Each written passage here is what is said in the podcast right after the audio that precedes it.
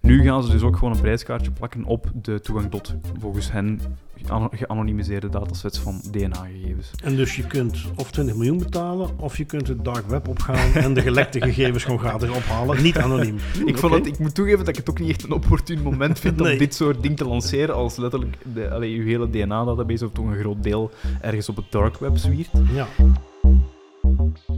Hallo en welkom bij Das Privé, jouw wekelijkse privacy podcast. Iedere aflevering praten we je bij over het reilen en zeilen in de wereld van privacy. Digitale spionage, boetes, datalekken, nieuwe technologie, privacy tools, oftewel alles dat er in een week gebeurt in privacyland. Ik ben Bart van Buitenen en samen met privacy-politicus Tim van Haren hebben wij het privacy nieuws van deze week gecureerd en eruit gehaald wat er echt toe doet. Nu, je bent geen echte politicus natuurlijk, Tim, maar wij gaan het volgens mij de komende periode zoveel over politiek moeten hebben dat het bijna zo aanvoelt. Ja, een carrière in de, in de politiek. Ik eh, twijfel er af en toe aan, zeker als het dan komt op de one single party issues en privacy. Eh, als we zo blijven doorgaan, dan moeten we wel een partij maken. Ja, een piratenpartij is er wel geweest in België, maar die zijn al een tijdje uit het picture. Inderdaad, die doen Maar goed. nou ja, hè, wie, wie weet, wie weet. Eh, we kunnen maar ambities hebben. Ehm, maar goed, eh, als we iets zien waar we direct voorbij laten komen, dan is de politieke arena misschien gewoon niet voor ons weggelegd. zijn we daar veel te braaf voor. Want deze week in Das Privé, als Europa het niet via chat control voor elkaar kan krijgen, ja, dan verzinnen ze wel gewoon een andere nieuwe wet om ons in de gaten te gaan houden. Een zorginstelling deed een oepsje, vergeten te melden dat we voortaan alle bewoners in de kamers in de gaten gaan houden met een sensor en een wel niet toch een beetje camera. Dan hebben we een nieuw Amerikaans bedrijf en die bieden een real-time crime center cloud met AI aan. Staan je nekharen al overeind? Verder hebben we nog innovaties bij KA Gent, handpalmverificatie in het stadion in plaats van met een ouderwets kaartje. Dit en nog veel meer in deze aflevering van Das Privé. Tim, daar wordt er volgens mij eentje om van te smullen. Niet in het minst, omdat wij ook nog eens lekker live de opname kunnen doen. Ik ging het net zeggen, hè, in de flash en dan zo'n klepper van headliners, dat eh, gaat fantastisch worden. Nu, voordat we in eh, de grote verhaaltjes vliegen, Ja. we hebben een paar updates, eh, kort nieuws, zo je wilt, die we nog even meenemen. De eerste had jij meegenomen van Tweakers, ehm, want jij zei, ja, die, we namen vorige keer al mee, EU-wijde ban op Meta. Wie kan er nog aan uit? Wat zorgde voor de verwarring? Eh, wat er voor verwarring zorgt in het algemeen is gewoon dat ehm, er is een algemeen Europees wijd verbod vanuit het European Data Protection Board gekomen op het gebruiken van persoonlijke advertenties op ja, Facebook en Instagram, de meta-platformen.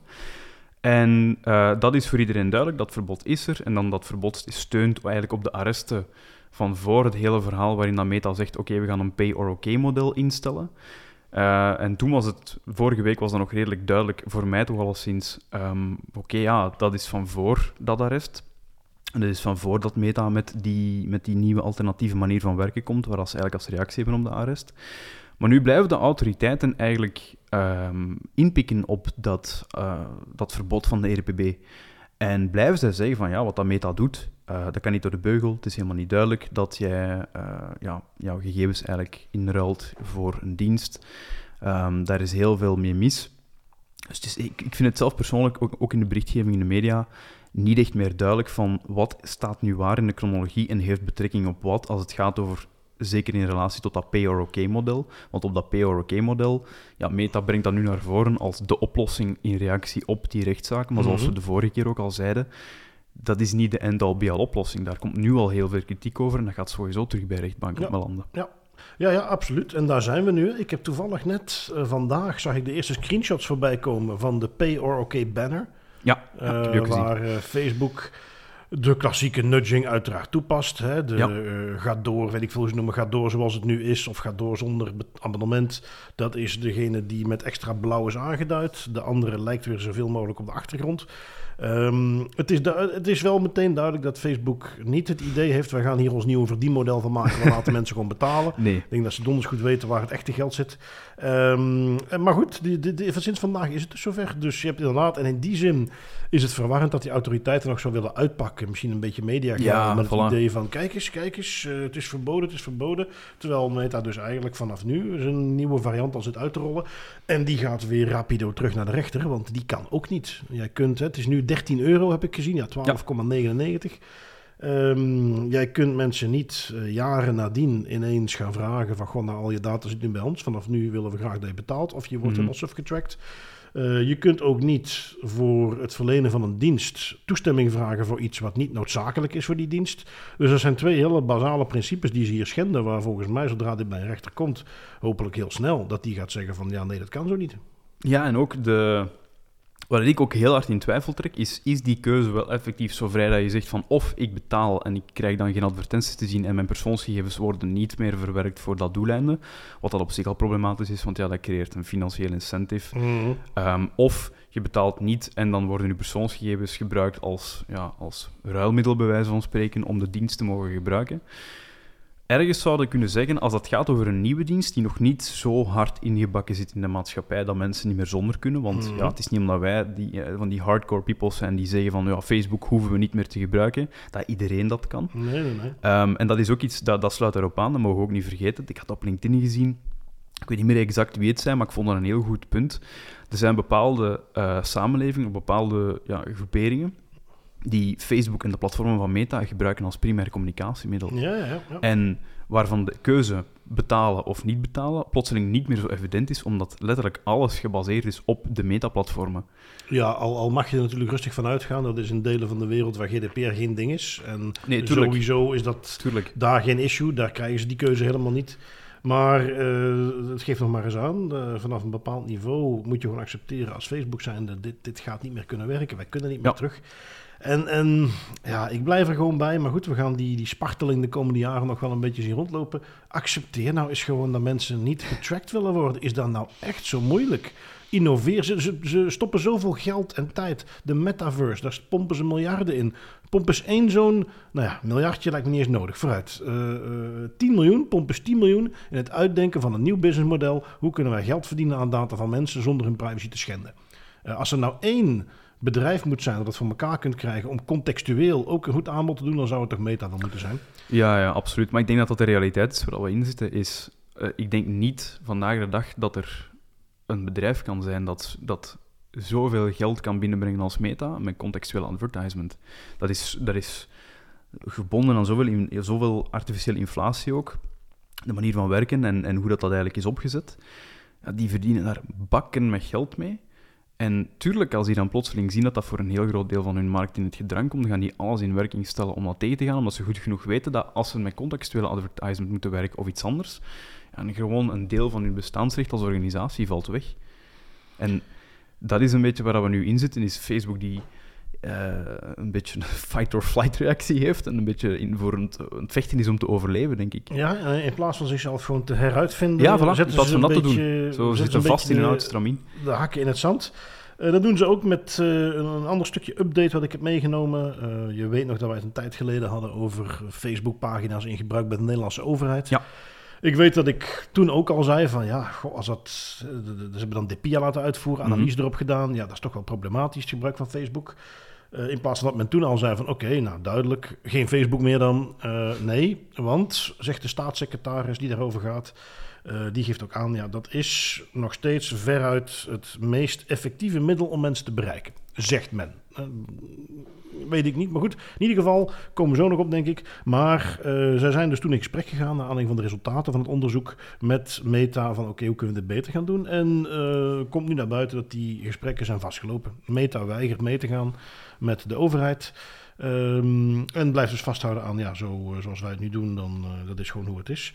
Ehm, en de rest van het artikel uit het eh, FD gaat dan eigenlijk over van ja, dan, dan worden wij wel gedwongen om afscheid te nemen van Facebook. Dus ja, we leggen de bal nu bij de AP neer. Die moet dan maar beoordelen of dit wie er nu gelijk heeft. Ja, Mhm. Dat heeft de AP al lang gedaan. Dat, Ja, ik ging eh, zeggen. komt uit je DPIA. Dit is allemaal niet nieuw. Maar goed, leggen ze de bal even daar neer. Misschien omdat ze dan zelf niet al te hard willen gaan roepen dat zij het besluit hebben genomen. Maar dat ze straks handen in de lucht kunnen zetten en zeggen ja, ja, Mag is niet van de GDPR, het is hè? Ja, ja, Het dat, hè? Wij kunnen onze burgers niet communiceren. Terwijl Ja. het moet toch helemaal niet zo moeilijk zijn om als overheid een communicatiemiddel op te zetten. We hebben hier ook een appje voor communicatie in België. Dat is overigens iets wat... Ik heb, daar, ik heb het geïnstalleerd. Ik heb er nog nooit iets op binnen zien komen. Het is bedoeld als een soort nood-app. Die nood-sms Ja, ja, via een app. juist. Maar goed, maak er van mij part gewoon een officieel overheidskanaal van. Wil jij berichten van de overheid krijgen? Alsjeblieft, hier een appje. En gewoon een, van mijn part een, een, een aangepaste RSS-reader op basis van de website van de overheid zelf. Dat moet allemaal niet complex zijn. Hè? Dat moet geen, waar overheid, opgelet, dat moet geen 50 miljoen kostend project zijn. Dat kan super simpel opgezet zijn. Of simpel, in overheidscontext. Gooi er een paar miljoen tegenaan. Een appje, een website met nieuws. How hard can it be?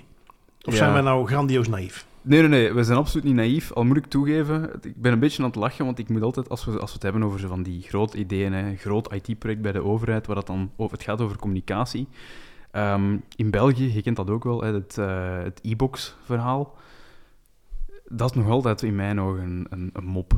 En Ja. waarom? Omdat je eigenlijk berichten binnenkrijgt. Dus voor de Nederlandse luisteraars ook, de e-box is eigenlijk een centraal platform van de, van de Belgische overheid, waarin zij berichten kunnen sturen over bijvoorbeeld de belastingen, over eh, andere elementen die je van de overheid moet krijgen. En ehm, het idee is daar, in, qua opzet zit dat eigenlijk goed in elkaar. Je krijgt een bericht binnen, hallo overheid, departement A of B heeft u een bericht gestuurd, deze informatie, top, Ja. je klikt daarop en dan word je doorverwezen naar een ander portaal van dat specifiek departement. Ja. En dan moet je dat daar in dat portaal gaan bekijken. Dus dat is niet meer dan een doorgeefluik. En dat is dan zo'n half opgezet idee, wat dat in principe heel goed zou werken als alle informatie die erin zou moeten staan, daar terecht komt. Ja, ja, ja. Ja, en zo komen er meer. Hè. Zo heb ik dan nu hebben we ook het Vlaams Burgerportaal. Daar heb ik Dat ook, ook. een appje van. Ja, maar dan dat- krijg ik ja. dat appje krijg ik een berichtje, dat er een berichtje voor mij is. Dan ga Ja. ik, klik ik daarop en dan ga ik naar de website toe van dat berichtje. Dan moet ik daar weer inloggen. Het, het zou eh, nog aanzienlijk eh, beter kunnen. Ja, Ehm, dat wel. maar goed, het, het- de ideeën zijn er. Maar het is, wel, Ehm, het is wel, het kan wel. Het kan zeker en vast. En ik vind, als men hier zegt, ehm, ja, Facebook is nog altijd ons belangrijkste platform om onze mensen te bereiken, waar komt die conclusie vandaan? Want is het gewoon omdat je nooit een ander platform hebt geprobeerd dat je die conclusie maakt? Eh, Het is Ik gewoon denk dat het daarop Het is neerkomt. gewoon, er zitten nu helemaal zoveel mensen op Facebook, we hebben daar onze pagina's en dus dat is ons platform. Ehm, nee, ik denk dat daar echt wel eh, alternatieven voor zijn en ik vind dat het is hard tijd wordt dat ze dat ook gewoon eens eh, gaan doen. Zeker en vast. Ehm, we blijven nog even bij Nederland. Wij hadden de vorige keer ook al aandacht voor de verkiezingstijd al daar. Ehm, ja, dat gaan we dus hier binnenkort wellicht ook zien. Ik denk trouwens dat dit onderzoekje wat ik nu mee ga nemen, dat kunnen we in België één op één repliceren, Mhm. denk ik. Eh met het enige verschil het aantal politieke partijen, want waar gaat het om? Ron Roosendaal werkt volgens mij zelf ook in een van de ministeries, is ook een ambtenaar. Ehm, ik zie die vaak voorbij komen, doen, doen mooie projecten. Ik zie die hele zinnige dingen zeggen. En die heeft met Floor Terra ondertussen, eh Floor als ik zo vrij mag zijn, vriend van de show, ehm, hebben die een onderzoekje gedaan waarbij ze kijken naar ja, op de websites van de politieke partijen hoeveel wordt daar via cookies ook weer doorgegeven aan bijvoorbeeld Google. Nou, Mhm. zal jou niet verbazen. Gigantisch veel. Ja. Ehm, ze hebben het onderzoek in de blogpost die ik in de show notes meeneem van Ron Roosendaal, waar ook gelinkt wordt overigens naar een blogpost van Floor Terra zelf, waarin hij wat tips geeft voor websites die zeggen van oeps, ik heb ook tracking cookies, ik wil er vanaf. Eh dat is misschien iets wat ik nog als eh, privacy pointer wilde meenemen. Maar even terug naar die politieke partijen. Ja, in Nederland loopt dat nog iets meer de spuigaten uit, want dan heb je het dus over 17 partijen die straks meedoen aan de verkiezingen. en die Nee. hebben allemaal van die trackers. Arm Belgisch brein kan dat niet aan. Ja, nee, dus, eh, dus ja, nee, dat, dat is iets waar dus duidelijk wel wat over te zeggen valt. En ja, ze doen het dus allemaal. Ehm, eens even zien. Ja, ze hebben nog een onderscheid gemaakt tussen degenen die maar één trackingpartij maken of Mhm. meerdere. Maar ehm, ik was even aan het zoeken naar wie is nu degene die er geen heeft. Ehm, die zie ik dus eigenlijk gewoon niet staan. Dus ik denk dat de conclusie Dat is, die zijn er niet. Ja. Ja. Even zien hoor. Ik zit gewoon even door die partij te kijken. We hebben NL, Plan, Splinterpolitiek, de Libertaire Partij, Samen voor Nederland. Ik, ik bedoel, ik heb heel lang in Nederland gewoond en ik heb geen benul meer wie die partijen zijn. Dat is echt... Ik moet wel toegeven, als, als, eh, als Belg en Vlaming, ik vind eh, de namen van Nederlandse partijen altijd veel beter tot de verbeelding spreken dan, dan in Vlaanderen en in België. Wat denk je van Lef? Lef, maar dat is Hmm. toch fantastisch? Dat, zijn zo, dat, dat heeft altijd zo kracht, oemf in die naam. Ja. terwijl in België Ja. is dat redelijk gematigd, moet ik toegeven. Ja, 21. Ja, 21. Oké, ik moet toegeven, het zegt wel niks, maar, nee, precies. maar ik vind het wel tof. Ja. Maar dus ja, eh, ergens, eh, jammer genoeg, weinig verrassend dat dat Ja. inderdaad gebeurt op die blogs eh, of op die, pa- op die websites van die politieke partijen. Iets wat ik ook, ehm, ja, je vraagt me dan af, wat, wat, wat bereik je daar ook mee? En, en dan bij die, bij die politieke partijen, maar ook op heel veel andere partijen, bedrijven waar ik dan langskom. Ik doe, eh, ik ga echt niet heus overal audits doen, maar een van de makkelijke dingen die je altijd even mee kunt nemen is gewoon hoe zit het met de cookies op de website. Dat heb je Ja. zo gezien. En dan vaak verras ik de mensen met wie ik aan tafel zit. dacht ik mee, oh, tracken wij dat? Ja, ik heb geen idee. Wat doen we er eigenlijk mee? Ja, geen idee. Weet jij het? Weet jij het? Nee, nee, nee. En dan zie je vaak, en dat is dan waar wellicht veel mensen die zo'n website opzetten, en misschien die politieke partijen zelf ook, uh, niet bij stilstaan. Standaard, als je ergens bij een webdesign agency een website laat maken, die zetten er ook gewoon standaard op. Die gaan ervan uit dat dat iets is wat mensen altijd willen zien. Die gaan, dat is voor hen ook het makkelijkste om statistieken mee te kunnen geven, is gewoon eventjes de Google Tags erin ja. halen. En dan neemt het dan mee. Ik moet wel zeggen, ik vrees, dat zou nog interessant zijn om daar zo dieper op in te graven, dat die politieke partijen er wel iets mee doen. Uh, ik geef je een klein voorbeeldje. En om een idee te krijgen waar dat misschien voor gebruikt zou kunnen worden. Je hebt van die bedrijfjes die als dienst aanbieden. Wij kunnen aan de hand van de bezoekers op jouw website, de gegevens die je dan voorbij ziet komen, als je ons pluginnetje erop installeert, kunnen wij jou vertellen wie dat was. En zo kreeg een eh, CEO die wij allebei eh, goed kennen, die kreeg een eh, mailtje binnen. die zei, of nee, die kreeg een LinkedIn berichtje binnen. Okay. waarbij ze dan zeiden, hey, we hebben gezien dat iemand van jouw bedrijf op onze website is geweest. Hebben jullie misschien interesse om, het ging over interieurbedrijfje, hebben jullie misschien interesse in ons interieurbedrijfje? En dan die, die, die CEO had zoiets van, oké, waarschijnlijk zal het wel zo en zo zitten dat die mij zo gevonden hebben, maar werkt dit ooit? Een willekeurige medewerker heeft jouw, mijn, jouw website bezocht en jij gaat mij als CEO dan contacteren of ik interesse heb. Nee, nee, nee. En dan ja, natuurlijk nog uh, een CEO die met privacy bezig is. Dus, uh, ja. Redelijk gevoelig ook. Ja, precies. Hè? Iemand die daar meteen uh, door heeft. Dus ja, uh, wie weet dat ze dat soort dingetjes nog gebruiken om dan vervolgens misschien mensen op te gaan bellen van hey, heb je interesse in ja 21? Kunnen we jou informatie toesturen? Wat is ja 21? Laten we daar dan mee beginnen. Het, het is het sluit ook aan bij mijn eigen ervaringen. Ehm, en ook gewoon dingen waar ik zelf ook mee te maken heb gekregen. Als het gaat over waar wordt die data voor gebruikt voor het voeden van bepaalde marketingcampagnes of het voeden van bepaalde analytics. Ik ben er nog altijd van overtuigd dat er, en, en zeker de marketingmensen gaan dat misschien niet graag horen, maar ik ben er wel ergens van overtuigd dat er nog heel veel weggesmeten geld in zulke uh, dienstverleningen zit. Omdat inderdaad, zoals je zelf ook al zegt, een puur gevoelsmatig, los van het privacyverhaal, maar werkt dat ooit? wat is de return of investment als je geld investeert in dergelijke campagnes als organisatie, gesteund door die tracking? Ik, ik vraag mij oprecht af hoeveel ja, geld dat je daarvan terugkrijgt. Hoe, hoe nuttig dat dat is. Maar dat, dat, dat blijft volgens mij de uitdaging ook in de hele tracking-discussie op zich. Ik weet dat de grote jongens in die industrie wanhopig proberen om attributie te doen. Hè, ja, te laten weten van kijk, zoveel mensen zijn op jullie website gekomen, die hebben zoveel gekocht.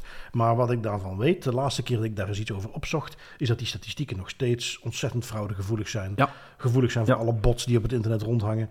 Dus nee, het, het, het, is hoog tijd dat heel dat systeem eens op de schop gaat. Um, in ieder geval, uh, we gaan door met het laatste updateje. We hebben het uh, alles gehad over die persoon die voor het DVD werkte, Dutch Institute for Vulnerability Disclosure, die uiteindelijk zelf in zijn, eh, laten we zeggen, vrije tijd dan het betere hekwerk gewoon zelf ging uitvoeren. Die voor zover het ze konden achterhalen gelukkig geen misbruik heeft gemaakt van zijn toegangen bij DVD. Ja. Nou, die is nu bij de rechter geweest en die heeft de lieve celstraf van vier jaar gekregen, waarvan één voorwaardelijk. Dus die mag toch drie jaar uh, in het gevangen gaan zitten. Um, ja, het puntje wat ik ermee wil nemen is. Uh, we hebben het al eerder benoemd, en dat is ook echt een evolutie van de, jaren, van de laatste jaren, vind ik. Uh, hacken, uh, binnendringen, gegevens misbruiken, in dit geval ook nog een beetje afpersen. Ja, dat is niet bepaald meer straffeloos. Hè? Ik Klopt. Denk, tenzij je het uit Rusland doet, dan hang je er gewoon aan tegenwoordig. Of Noord-Korea vooruit, dat is ook nog zo'n bekende. Maar doe je dat vanuit Nederland, dan ga je gewoon voor de bel. En dan ga je ook voor dit soort dingen, waar vroeger zeg tien jaar geleden was phishing ook echt wel een probleem. Was als ja. oplichting ook echt wel een probleem. Maar volgens mij ging daar niemand ooit jaren voor in de bak. Dat is dus nu een evolutie die we echt wel zien. En dus ja, iemand van 21, drie jaar de gevangenis in. Dat is, uh, dat is natuurlijk een heel, dat, geeft wel aan dat men het serieus neemt. Um, dat jaartje voorwaardelijk is dan gekoppeld aan een proeftijd van drie jaar, waar ook uh, schuldhulpverlening in zit. Uh, ongetwijfeld vanwege het feit dat hij honderdduizenden euro's moet gaan terugbetalen. schadevergoeding. Dus die, uh, ja, die is voorlopig wel even bezig. Ik mag aannemen, als ze hem die vraag zouden stellen, dat hij nu zoiets heeft van, mm, dat was het misschien toch niet waar. ik, ik denk dat dat inderdaad een, uh, een evolutie is. Die we, allee, we zien hier langs twee kanten. Eén, ja, de politie uh, is denk ik ook gewoon veel beter geworden in dat soort zaken.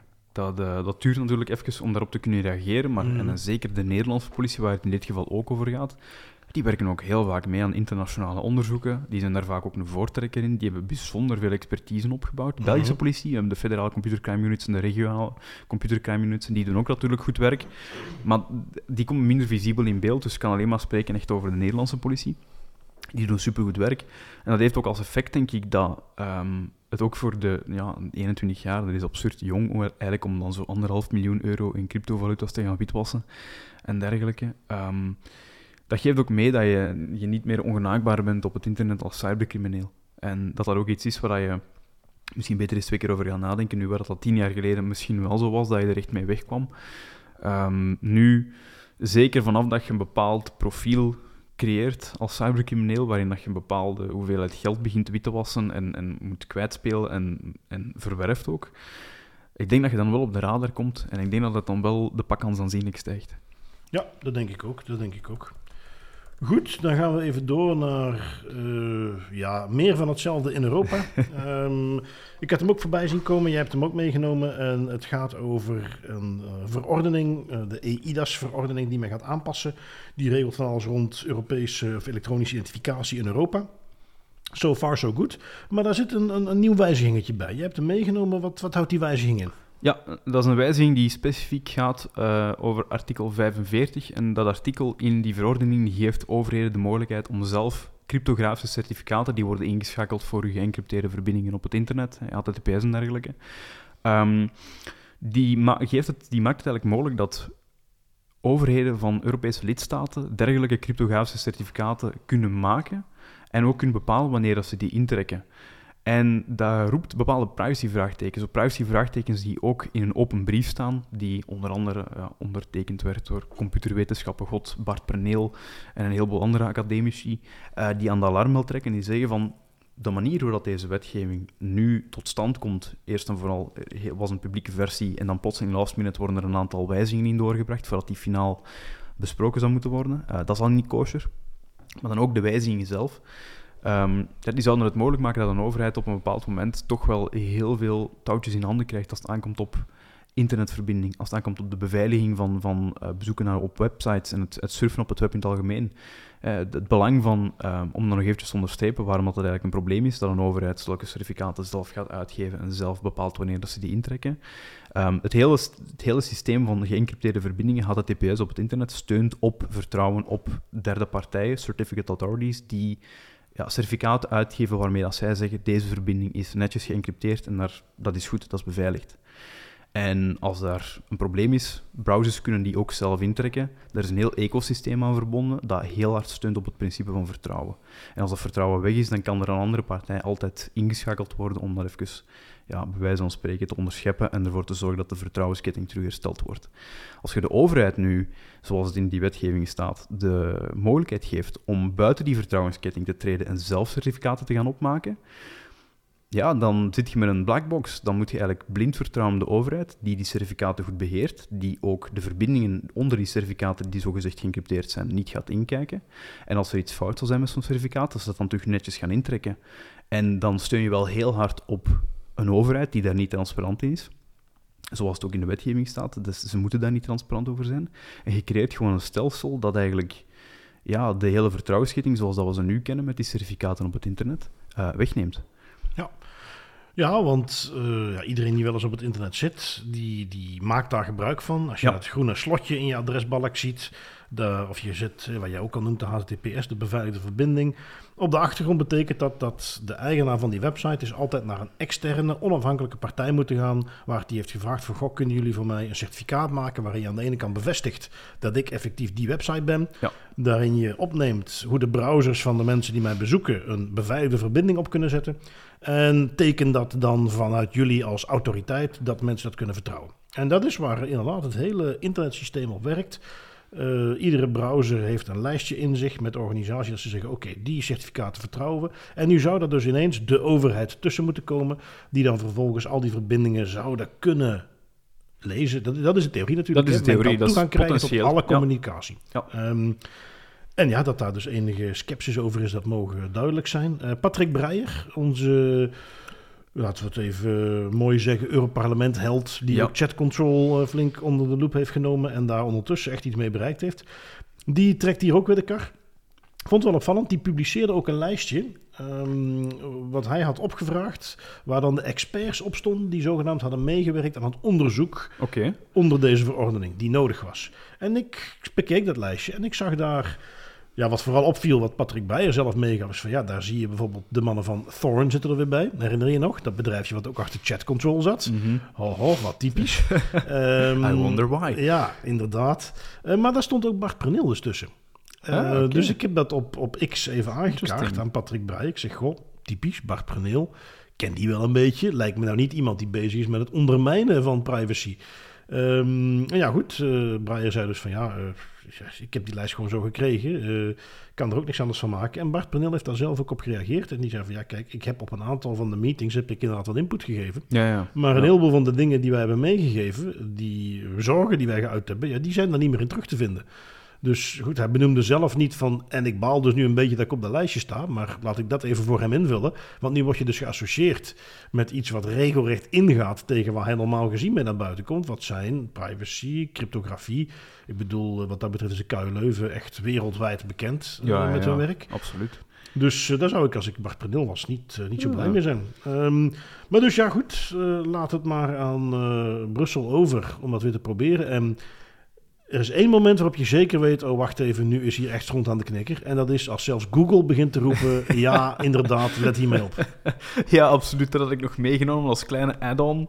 Eh, het is goed dat je wel binnenkomt. Eh, want dat is inderdaad, dan weet, dat weet inderdaad dat, dat er iets ferm mis is. hè. Zelfs Google, inderdaad, die hekelt het eh, plan van Brussel om ja, nu via artikel 45 van de EEDAS-verordening.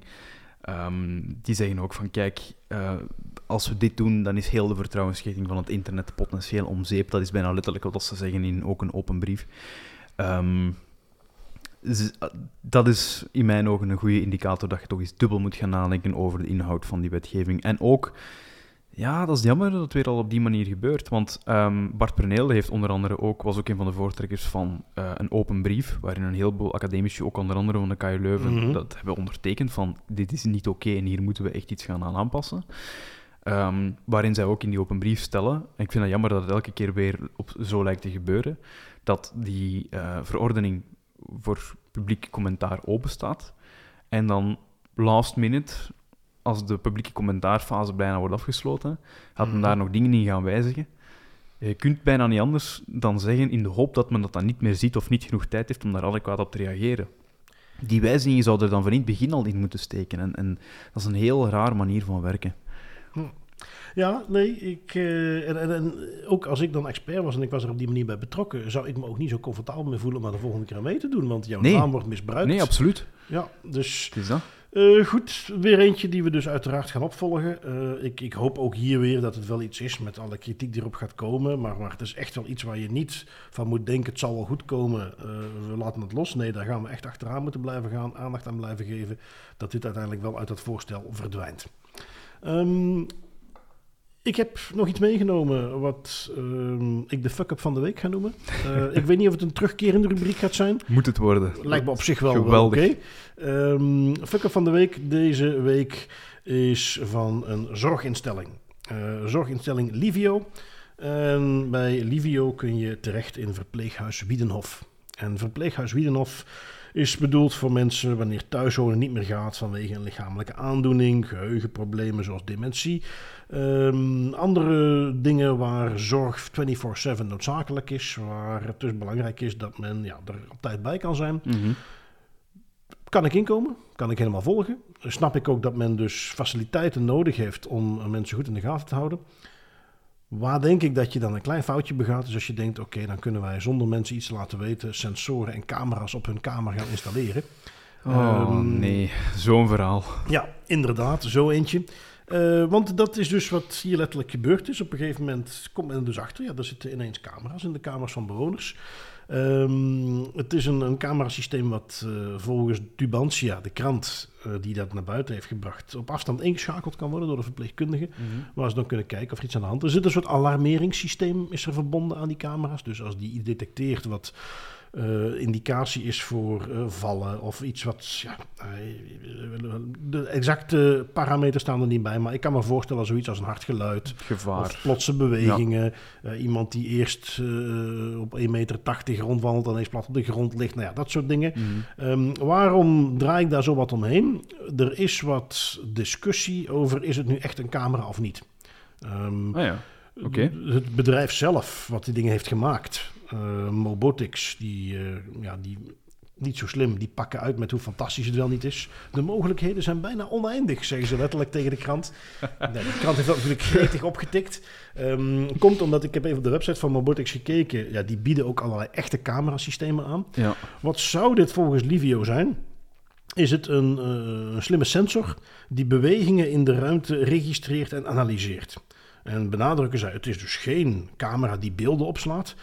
Maar tegelijkertijd, als die al- alarmen getriggerd worden, dan kan een verpleegkundige wel op de smartphone een appje opentrekken. Mhm. Maar dan wordt er zogenaamd eh, enkel een silhouet getoond.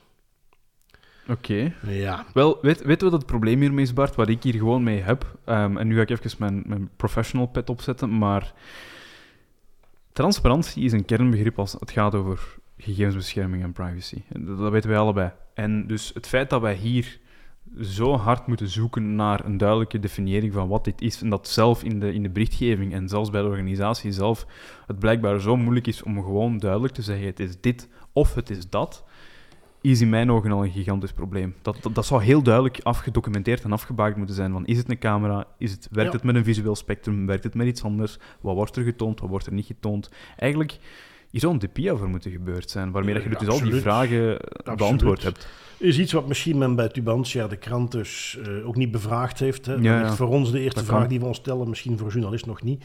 Ehm, hoe dan ook, ik heb ook voor psychiatrische ziekenhuizen gewerkt. Zelfs daar is men zeer terughoudend om camera's te installeren. Dan moet het echt zijn iemand die op een soort zelfmoordwacht is, eh, die echt onder surveillance gehouden moet worden, omdat hij zichzelf eh, schade toe kan brengen. Dan zijn er bepaalde kamers waar ze iemand in kunnen zetten waar inderdaad 24/7 er een camera op staat. Ja. Maar dat zijn zelfs in een psychiatrische kliniek de uitzonderingen. Nou, en dat dit zijn is- vaak ook tijdelijke maatregelen hè, voor die mensen, omdat die Inderdaad. mensen op dat moment in een tijdelijk gevaar Ja, voor zichzelf ja, zijn. En dan is dat inderdaad die invasie op die privacy gewaarborgd. Maar van zodra die buiten die fase zijn, dan gaan die eruit. Precies. Eh, dus het hele principe wat ze hier toepassen, dat je in een, in een context waarin ik echt wel snap dat je bewoners hebt die, eh, die in de gaten moet kunnen houden. Maar dat men eh, gewoon die continue surveillance gaat inzetten. En dan hebben we het toch niet over het feit dat ze daar niet over geïnformeerd hebben. En tussen Mhm. haakjes in deze context is dat nog niet eens genoeg. Ze gaan daar ook gewoon toestemming voor moeten vragen. Ja. Of aan de bewoners zelf. Of die gaan ook altijd iemand hebben die het mandaat heeft om voor die mensen de. Goh, dat is ook alweer het mooie, het mooie woord voor. Custodian. Ja, voogd. ja, Maar dat is voogd, meer voor kinderen. minderjarigen. hè, Ja. Ik ben het woord even kwijt. Ehm, ja, de- nee, nee, nee, nee, we kennen nu in België iets, hè, de zorgvolmacht die gegeven kan worden op een heel aantal dingen. Ehm, de bewindvoerder, dat is eh, denk ik Oh, misschien meer het woord dat ik zoek. Enfin, hoe dan ook, iedereen begrijpt wat ik bedoel. De persoon die je hiervoor om toestemming kunt vragen, als niet meer aan die persoon zelf kan, die persoon is aangesteld. Dat zijn dingen die geregeld zijn.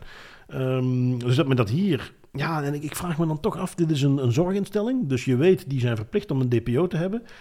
Is die DPO hier helemaal niet bij betrokken? Dat, dat, dat moet wel, want iemand die ook maar in de minste verte ergens een GDPR-opleiding heeft gehad, die zou Ja. acuut aan de alarmbel trekken als het systeem hem gepresenteerd werd of haar. Dus Ja, en, en inderdaad, het is, het is een terechte vraag, hè, want ik zie dat ook vaak genoeg met collega-DPO's, die echt wel goed hun best doen, maar die gewoon door een gebrek aan middelen of mankracht, of cultuur is ook een belangrijk aspect, dat de organisatie hen op de hoogte houdt, in de loop houdt. Maar dit is zoiets eh, groot, wat dat ook veel werk zal gekost hebben, dat je denk ik als DPO in die organisatie toch al moeite moet doen om, om dat eigenlijk niet te zien of niet op te merken. Mhm. Dit is niet iets dat even door de mazen van het net kan glippen, lijkt mij. Goh, ja, nou, onderschat dat ook niet. Dit is een, een zorginstelling met meerdere locaties. Dit is iets dat ze op één van die locaties doen. Dat kan best door de locatiemanager Ja. besloten zijn. Ja, dat is misschien ooit eens een keer... Ik kan me dat nog wel voorstellen, hoor. Maar ja, goed, dat is dan weer de kunst van de DPO, om bij dit soort dingen op de hoogte te zijn. En de kunst binnen de organisatie, om het zo op te zetten dat die DPO ook op de hoogte gehouden wordt van dit soort dingen. Dus ik hoop dat ze er in die zin ook wat eh, lessen uittrekken. Nu, het kan altijd beter. Het kan altijd ingrijpender. Het kan altijd nog drastischer. En laat dat maar aan Amerika over. En ik zinspeel uiteraard op het artikeltje wat jij hebt meegenomen. Van, denk ik, ondertussen een van onze nieuwe favoriete websites, 404 Media. Um, ja, ik laat hem eventjes aan jou om het te introduceren. Wat hebben zij uh, onder de loep genomen? Er zijn een aantal Amerikaanse stadjes. Voor, voornamelijk nog kleine stadjes, ook college towns en dergelijke. Um, waar 404 Media um, heeft opgemerkt en er is blijkbaar een lek geweest, want er heeft iemand zeer veel interne informatie van een aantal politiedepartementen ook meegegeven aan 404 Media. Waar het blijkt dat die uh, nu aan het samenwerken zijn met een privaat bedrijf. Fuses heet dat bedrijf. En wat Fuses aanbiedt, is een, uh, een concept dat zo Amerikaans is als maar kan, namelijk een real-time crime center. Wat je daarbij moet voorstellen, uit het marketingmateriaal dat, van Fuses dat ook meegelekt is, dat zij mee hebben gegeven aan die politiedepartementen, is uh, ja, echt een door AI gedreven, allesomvattende paraplu van camera's, sensoren, IoT, ANPR. Um, allemaal samengebracht in één grote centrale digitale controlekamer, waar eigenlijk de politie een Big Brother-esque overzicht heeft van het kleine stadje. Um, de catch hier, want dit is op zich niks nieuw, dat concept ja, dat kennen we al lang en dat bestaat al heel lang. De catch hier is um, dat Fuses ook de, de, ja, de inwoners van een bepaalde gemeente of van een bepaald stadje op verschillende manieren gaat benaderen om hen te overtuigen om um, hun private camera's en ringdeurbellen en noem maar op aan te sluiten op dat crime center. Om op die manier de politie rechtstreeks toegang te geven aan, um, met die camera's. En die gaan eigenlijk nog een stap verder dan echt alleen zeggen van oké, we, gaan, uh, we gaan toegang geven tot bepaalde camera's of tot bepaalde logins. Er zijn twee manieren, twee levels waar je op kunt aansluiten op het Fuses-netwerk. Um, je kunt gewoon de camera registreren en laten aansluiten op het netwerk. Mm -hmm. Of je kunt een bepaald stukje hardware mee installeren op je uh, surveillance camera, als die compatibel is. Mm -hmm. En dat geeft die camera um, bijkomende functionaliteiten smart functionaliteit. Oh, ja. Het herkennen van bepaalde objecten of van Oh, bepaalde ja. kleren en, en dergelijke. Mooi. Er wordt nergens in de documentatie geïmpliceerd dat het hier gaat over facial recognition. Uh, nog door Fuses, nog door de politie zelf. Maar een van de tussenpartijen die ook werkt met Fuses en die Mhm. ook de implementaties doet bij de politie, die oppert dan weer dat Fuses bijzonder veel uitgebreide artificial intelligence capaciteiten heeft, waaronder facial recognition. Dus dit gaat heel ver. Dit Ja. gaat verder dan hey, registreer u in een cameradatabase waar de politie dingen kan opvragen. Nee, we gaan u uw private camera, als je daarop aansluit, um, enhancen, verbeteren, zodat die bepaalde extra functionaliteiten heeft die de politie dan kan inzetten in een crime center. Ja, ja, ja, ja, ja, prachtig, prachtig. Ik zie ook eh, de Starkville PD, Chief of Police, Ja. Mark Ballard. Eh, die was zelfs op een van de Fusus podcast afleveringen geweest. Ze Ja. hebben zelfs een, een podcast over dat bedrijf. Ja. Ehm, die ook aangeeft, ik ga weer eventjes eh, quoten. So far the response has been amazing. We've had the response from the business community, and I think people in this industry understand that economic development and public safety go hand in hand. Our school systems, churches, places of worship, kindergartens are all on board and becoming video savvy and a part of the system. nou, prachtig toch eens. Het is allemaal onderdeel uit van het systeem. Maar kindergartens gaan ze er ook al op aansluiten. ja, ja, tuurlijk. Laten we onze kinderen vooral alvast even laten wennen aan het feit dat ze 24-7 gemonitord kunnen worden. Ja, ja, en in de documentatie staat onder andere ook, eh, dat vond ik ook interessant om nog mee te geven, dat eh, representatives van Fuses in samenwerking met de politie, die inderdaad ook van Starkville was, ehm, gaan die dan naar de uh, Koten waar als studenten wonen, gaan die daar ook bouwplannen opvragen en gaan die eigenlijk kijken, ja, waar moeten wij misschien nog een paar extra surveillancecamera's plaatsen om een optimaal dekkingsgebied te hebben van de hele regio. Dus die gaan, dat is een private organisatie, Fuses, die echt in samenwerking met de politiedepartementen gewoon gaat kijken van oké, hoe- hoe snel kunnen wij hier een lappendeken aan surveillancecamera's en andere types van sensoren gaan installeren en voor een stuk gaan crowdsourcen, om op die manier een totaalbeeld te krijgen van een stadje. En ik vind dat... Dat is iets wat dat, denk ik in, in Europa, toch in België, ehm, nog altijd een heel vreemd concept is. Het is een private organisatie die zo nauw gaat samenwerken met politiediensten. En ik vind dat echt angstwekkend. Ja, om je nog eventjes een quoteje mee te geven vanuit een van hun eh, documentjes die ze mee hebben gegeven in, in North Carolina. Eh, of het nu een drone, een verkeerscamera, een privé-telefoon is, een uh, bewakingscamera van een gebouw. Fusus kan de live video eruit halen en meteen doorsturen naar ons intelligence center Ja. en de mensen in het veld. Ongelooflijk, hè? Ja, ja, Ja. echt ongelooflijk. En, en vanuit een privacyperspectief, er zijn zoveel dingen om op te zeggen, maar ook gewoon het feit dat een private organisatie in essentie het hele surveillance-netwerk en het hele informatienetwerk van een politiedienst of van een politiedepartement daar in handen heeft, beheert, daar, daar stel ik me Ja. ook heel veel vragen bij. Want de politie Ja. mag veel dingen doen, dat is waar. Dat is ook ergens logisch, dat is in België Tuurlijk. ook. Dat, daar, dat, dat is logisch, er zijn ook bepaalde wetgevingen voor gemaakt en specifiek voor ontworpen. De politie mag meer dingen doen dan het gemiddelde organisatie. Dat is ook ergens logisch. Al moet er altijd kritisch naar worden gekeken. Maar nu ga je eigenlijk een deel van die politionele activiteiten gaan outsourcen naar een privaat bedrijf. Ja, en dat is een beweging waar ik altijd bang voor ben dat we die in Europa ook steeds meer gaan zien. Wat ik heel Ja, nauw ja. in de gaten hou of dat zo is of niet. Ja. Eh, want ja, je hoeft alleen maar naar Amerika te kijken. Dat, dat leidt tot allerlei excessen. Ehm, nou, we zullen het zien, we zullen het zien. Maar dit is toch weer ehm, Eentje die we toch gaan houden. Hè? eentje die we in toog gaan houden. Maar vooral eentje die we voorlopig nog even gaan parkeren onder Thank God for GDPR. waar dat niet kan. ja, Ehm, absoluut. nu, even iets anders, wat dichter bij huis. Wat zijn ehm, massa-evenementen die jij eh, wel eens eh, bezoekt, Tim? Ehm, of misschien, eh, maar ik denk van niet, ben jij van de voetbal? Eh, nee, helaas niet Ik ben, ik ben een van die weinige Belgen die absoluut niet van voetbal houdt. Ja, ik denk vast niet een van de weinigen. Ik heb er wel wat mee, maar eh, kom je wel eens op een ander massa-evenement? Of iets waar je Ja, tijd ja, moet spenderen met binnenkomen en zo? Ja, ja, tuurlijk. Festivals ga ik heel graag naartoe. Eh, nachtclubs in het verleden ook. Zo typische Nou, plaatsen dus- waar ik je ook van kan denken van oké, daar moet een bepaalde toegangscontrole voor hebben. En waar toegangscontrole is, zijn vaak ook lange rijen. Ja. Stel nu voor, we hebben het natuurlijk al eens gehad over gezichtsherkenning bij festivals. Daar zijn we geen fan van. Nee. Stel nu voor dat jij je handpalm ergens neer kunt leggen en dat je dan door mag lopen. Wat denk je? Is dat eh, beter? Hm, Wel, dat is ook een biometrisch gegeven, hè? net als een iris-scan of net als een vingerafdruk of soms zelfs het, het- de stemgeluiden. Allee, in mijn ogen komt dat allemaal op hetzelfde neer. Ja, het is nu in ieder geval iets wat eh KA Gent, hè, toch een van de grotere voetbalploegen van België, Mhm. eh, als een proefproject gaat introduceren. handpalmtechnologie. Een Belgisch bedrijfje Palmkey. Die zeggen van ja, eh, vingerafdrukken en al die andere dingen, dat is kinderspel. Wij hebben de echte shit.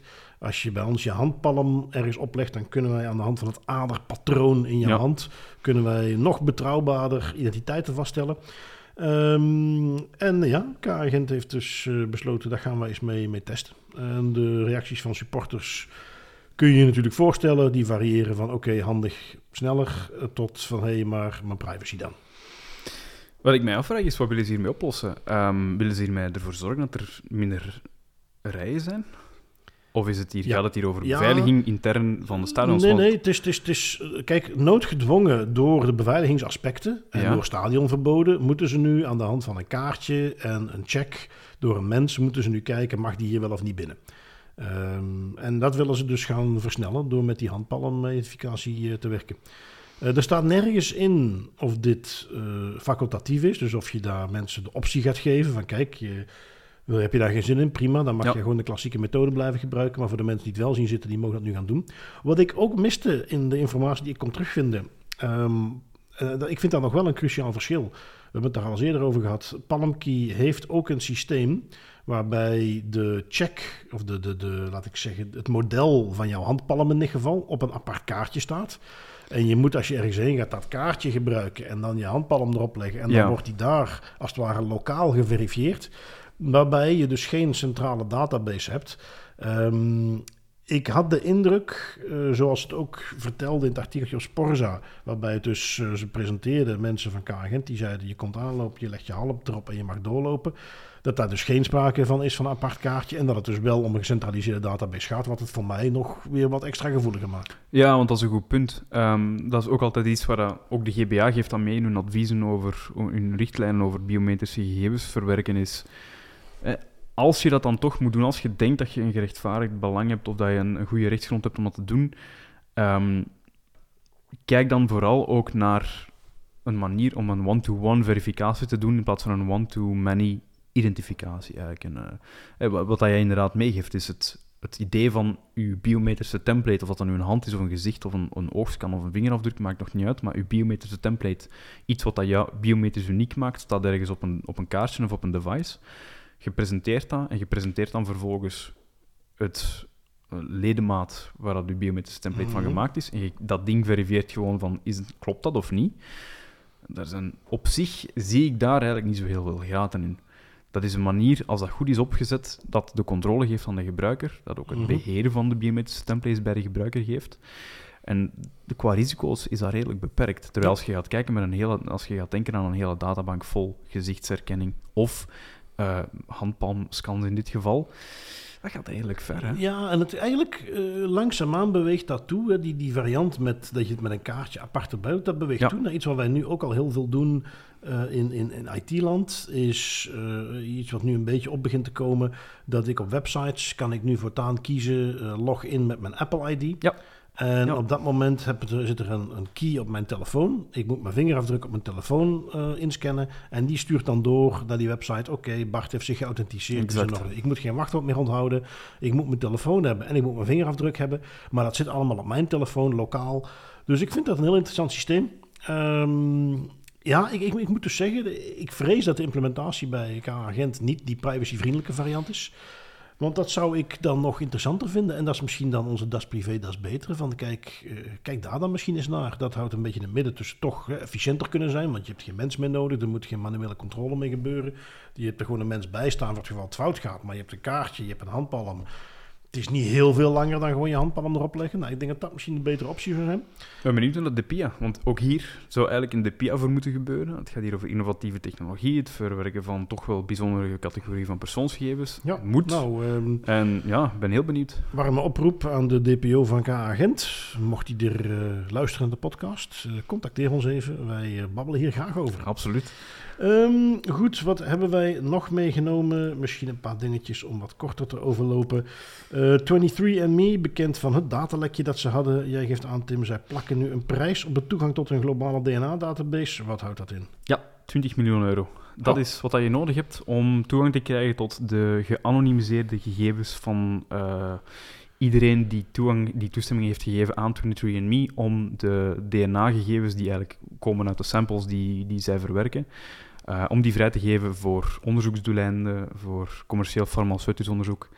Ehm, tot voor kort was dat een model waarin dat 23andMe ook een voortrekker was en een primaire rol in speelde. Dus 23andMe ging samenwerken met andere partijen, ging samen onderzoek uitvoeren. En 23andMe had nog altijd redelijk veel controle daarover.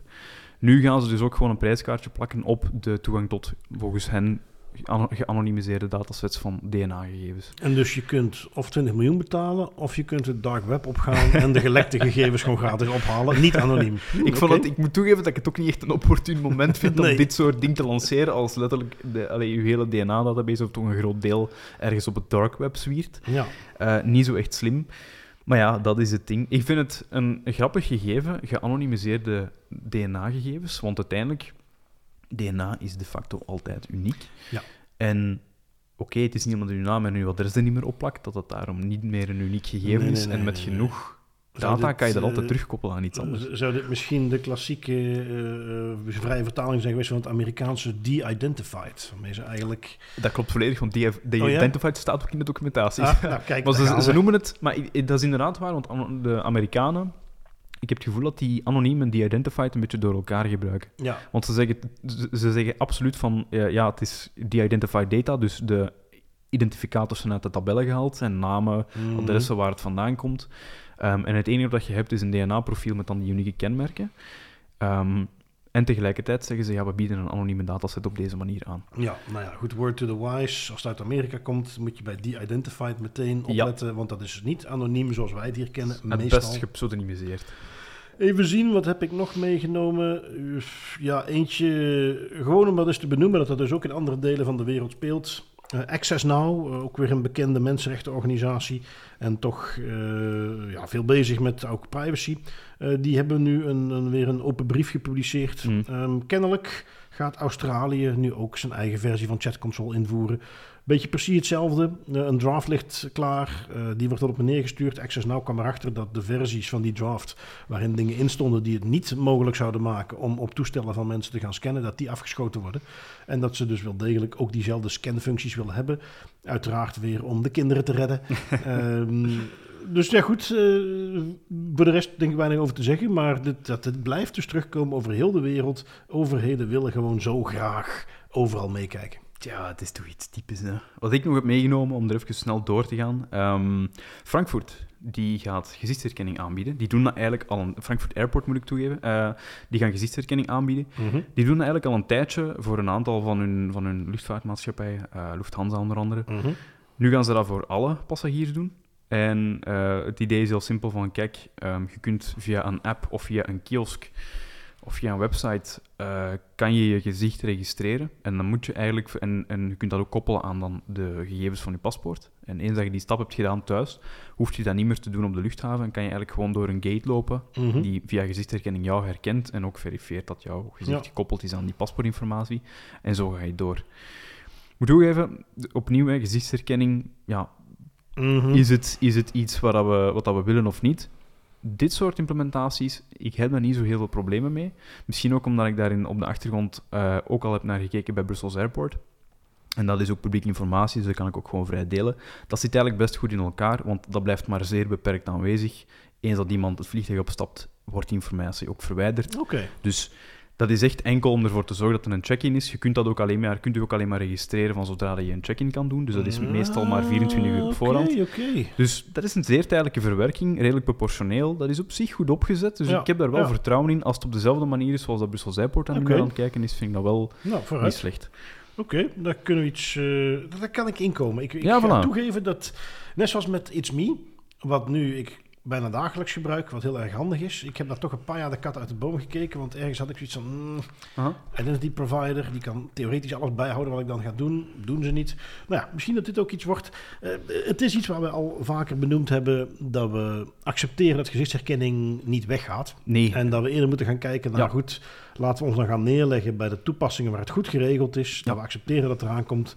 Uh, en vooral uh, tegen de toepassingen die het niet goed geregeld hebben. Absoluut, want het kan goed werken en het kan een voordeel bieden. Um, maar het moet ja. alleen inderdaad met de juiste checks en balances gebeuren. Nu, uh, een tijdje terug hadden wij uh, ons oren te luisteren gelijk bij Frank Schuurmans van het controleorgaan. Ja. Rond het, uh, hoe zit het eigenlijk met je pincode, vingerafdruk op het toestel. vingerafdruk, ja, maar ja, dat is geen, niet iets wat je weet, dus dan kun je gedwongen worden om dat af te geven. Pincode niet, blijkt niet zo te zijn. Pincode kan men ook gewoon afdwingen dat je die afgeeft. Um, dat kwam toen al naar buiten, dat vond ik al interessant. nu hebben we een voorbeeldje, het Belgisch Federaal Parket. Die heeft nu een, dwangsom van 5000 euro per dag opgelegd aan een 18-jarige die weigert om de toegangscode voor zijn apparaten vrij te geven.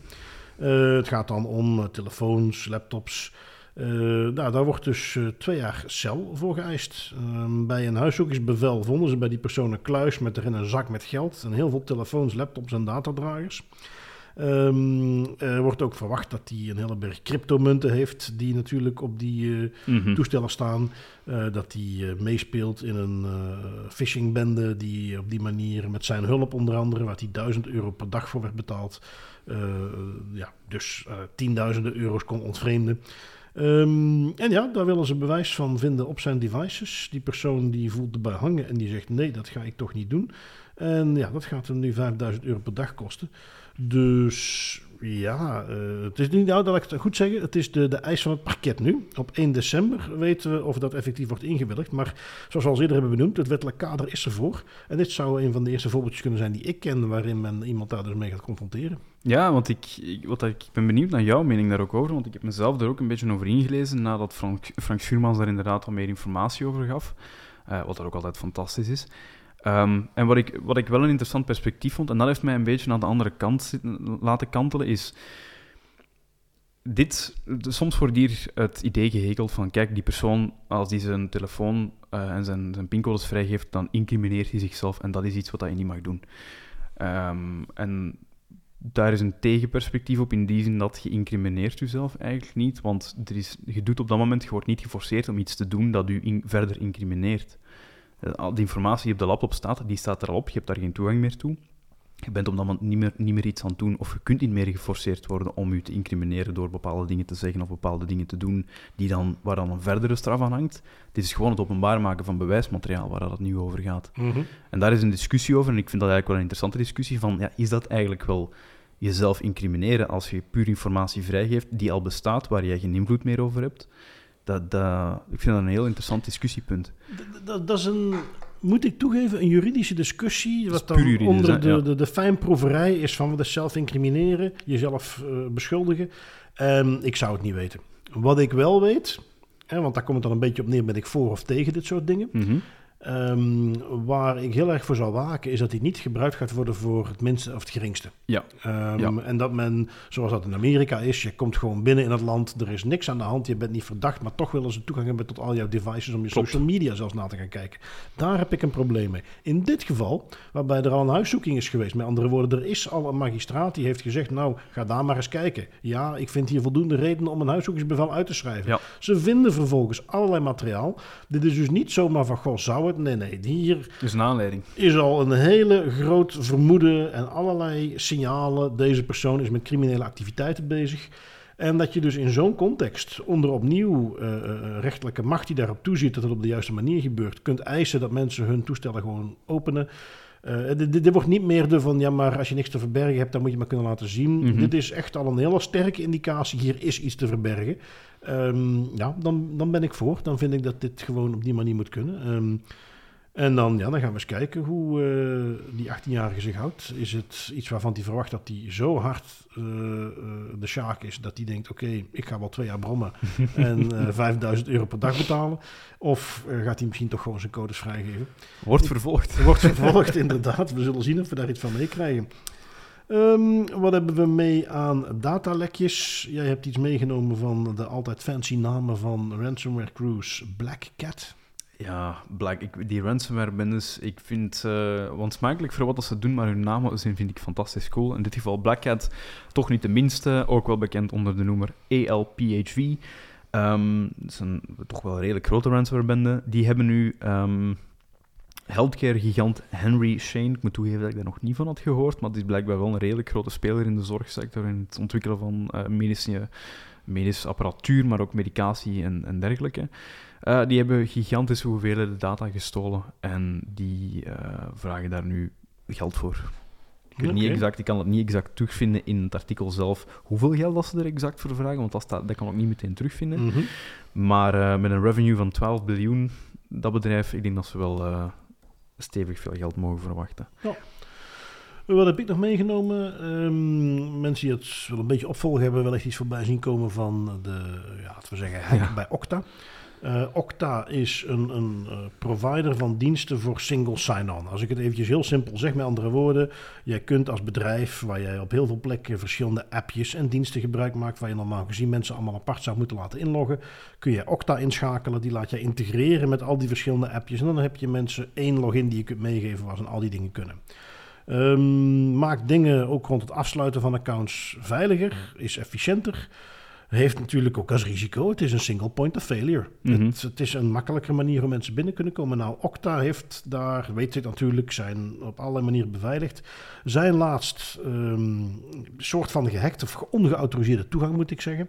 Uh, eerst was het zo dat uh, OnePassword, van ja, de password manager dus, die rapporteerde aan Okta van hé, hey, wij zien hier wat vreemde dingen. Uh, Cloudflare heeft dat ook gerapporteerd. Beyond Trust, een ander bedrijfje, merkt dat ook op een gegeven moment op. Met andere woorden, begin oktober heeft Okta serieuze signalen van hier is iets niet in de haak.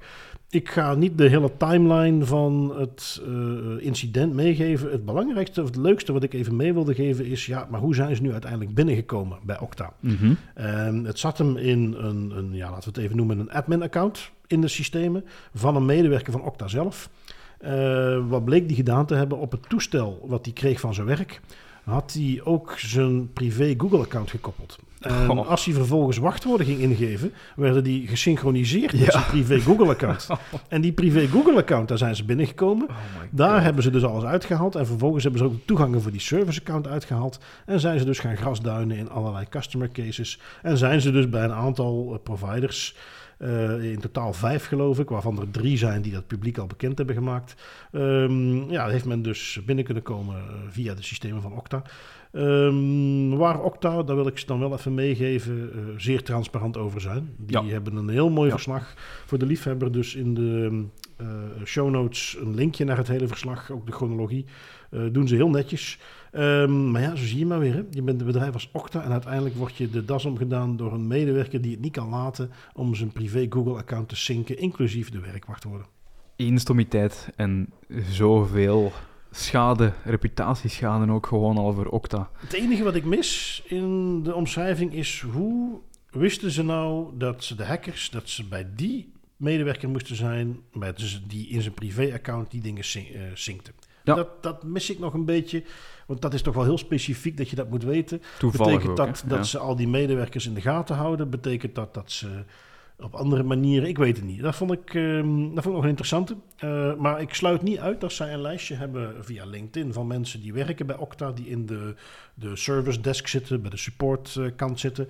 Um, dat ze die gewoon regelmatig proberen te fishen met onder andere hun privé uh, Gmail-accounts. En ze op die manier daar aan het grasduinen waren en zeggen van... hé, hey, dat is fijn, die heeft zijn professionele accounts ook gesynct. Zoiets zal het misschien uh, zijn. Ik denk dat het inderdaad daar vooral te zoeken is. Hè. Dat is het onderdeel van elke goede cyberaanval. Als het toch gaat over textbook cyberaanvallen, is reconnaissance. Is, en zeker als het gaat over social engineering, dat soort toestanden, is gewoon zoeken naar zwakke menselijke schakels in een organisatie. Ja. Of mensen die elevated access hebben en dan daar proberen ja, compromitteren. Ja, ja, en opnieuw, dit is niet zomaar een bedrijfje. Dit is, nee, nee, nee, dit is een van de wereldbekendste... Moet er maar één zijn in de schakelen. Ja. Goed, um, wat hebben wij nog aan autoriteiten? You will respect my authority. Iets uit Italië. Je hebt hem meegenomen, Tim. Wie mag nu weer gaan afrekenen in Italië? De Italiaanse Bali deze keer. Die mogen 20.000 euro gaan dokken. Um, voor een stommiteit in mijn ogen. Die hadden um, gevoelige documenten over een rechtszaak die niet publiek moesten, mochten zijn. Die hadden zij online gezet. Die waren ook gewoon gemakkelijk te vinden met Google. En uh, twee betrokkenen bij die rechtszaak, ja, die, en dat is wat ik wel jammer vind, die uh, waren erop gekomen. Die hadden ook gevraagd aan de balie meermaals van zet die documenten alsjeblieft offline, mm -hmm. want dit gaat over een rechtszaak en dit is iets wat dan niet publiek beschikbaar is. En de balie heeft dat gewoon nooit opgevolgd. Dus stommiteit uh, hadden ze beter moeten doen en daarvoor krijgen ze een boete van 20.000 euro. Klinkt nog redelijk schappelijk, moet ik toegeven, als je hoort hoe fout dit eigenlijk is. Ja, en voor de garantie, want de garantie is redelijk streng. Hè? Klopt, Normaal, klopt. Die, die zijn qua boetes en qua grootorders, die zijn niet de minste. Dat is niet zoals hier in België, waar dan een boete van 20.000 euro wel redelijk aanzienlijk is. Maar in de garantie heeft ook al ja, honderden duizenden euro's aan boetes gegeven het afgelopen jaar. Dus ja, mm -hmm. nog niet okay. zo heel zwaar, maar toch. Goed, um, dan zijn wij ondertussen toegekomen aan onze privacy pointers. En wat heb jij als eerste meegenomen, Tim? Ik heb uh, een tool meegenomen die ik zelf al een paar maanden nu gebruik. DigiBeetle heet die. Dat is een tool van de Nederlandse advocaat Joost Gerritsen. Um, en dat is, ik vind dat vooral voor professionals is dat een heel goede tool. Want wat is dat eigenlijk? Dat is een verzameling, heel gemakkelijk doorzoekbaar, van uh, de arresten van het Hof van Justitie van de Europese Unie, van EDPB-guidelines, van case law van de, van de verschillende lidstaten. Um, allemaal samengevoegd in één tool, waar je dan heel gemakkelijk in kan doorzoeken, waar ook summaries in staan. En waar dat voor mij op neerkomt, is zeker voor mijzelf ook, uh, ik ben nu aan het werken aan mijn juridisch profiel, um, het is gewoon simpelweg een tool die soms de legalese vertaalt in mensentaal. Mm. En dat maakt het voor mij zeer waardevol als DPO om toegang te hebben tot die informatie in de arresten van het Hof van Justitie, zonder dat je dan ellenlange pagina's mm. vol legalese moet gaan uh, doorploeteren. Ja. Oké, okay, uh, misschien wel niet onhandig om er even bij te zeggen. Dat is een betalende tool ja, klopt. Uh, na klopt. de trial. Um, ja, ik zou zeggen uh, voor professionals iets wat zeer, zeer interessant kan zijn. Zeker. En ja, Joost Gerritsen, ik ken hem zelf een beetje persoonlijk, maar ik volg hem ook al heel lang op LinkedIn. echt wel iemand ja, waar ik inhoudelijk vertrouw ik zeker dat daar een goede ja. spul op staat. Um, ik heb een paar dingetjes meegenomen. De ene al wat spannender dan de andere, dus vandaar dat ik het een beetje stapel. Um, gelet op alle berichtgeving rond Meta wil ik gewoon nog even een warme oproep doen. Overweeg toch nog eens een keertje, mocht je hem nog hebben, om die Facebook-account toch eens gewoon dicht te gooien. Anders leren ze het nooit. Stop ermee. Um, wat heb ik nog meegenomen? Dat is, uh, ik vermeldde het al kort, maar het linkje zit er nu, nu ook bij. Uh, we hadden het over die cookies door politieke partijen. Daar was dus een linkje naar het blog van Floor Terra, waarin die zei: Ben jij nu een website-eigenaar die dat per ongeluk heeft gedaan? Uh, hier zijn wat pointers waar je op moet letten mm -hmm. om het weer recht te zetten. Nou, die wil ik ook gewoon meegeven. Dat kan interessant zijn. En tenslotte een oproep op feedback aan de luisteraars. Ik merk weer, hoezeer wij ook ons best doen om daar wel een beetje naar op zoek te gaan. Ja, wij, wij zijn vaak een beetje de dystopie-show. Um, en ik zat me te bedenken, is het misschien niet interessant? Want nadat we Prefcon nu hebben gehad, is het nu tijd voor weer een community event. Hè, dus de, de soirée met Das Privé, mm -hmm. uh, deel 2. Um, en ik zat te denken, zou het niet interessant zijn om Little Brother Awards uit te gaan reiken? In plaats van de Big Brother Awards, waar het iedere keer weer de grootste privacy schender is, zou ik nu graag eens willen weten, wat hebben jullie meegemaakt, wat hebben jullie voorbij zien komen waarvan je dacht, die hebben het nou eens goed gedaan? Ja. En dan geven we daar de Little Brother Award. Um, nou, dat, dat, daar zit ik mee te spelen om dat op de volgende soirée van Das Privé te gaan doen. Um, laat eens even weten wat je ervan denkt en of je ideeën hebt, of je misschien zelfs al een kandidaat wilt voordragen. Dat, uh, dat lijkt me leuk. Dus uh, dat is mijn privacy pointer voor deze week. Um, ja, en Tim, dan zit het er weer op. Onze live aflevering waarin wij het volgens mij niet bondig hebben gehouden. ik moet toegeven, we hebben, ik ben, want ik had, ik had eigenlijk geen zicht op de tijd deze keer.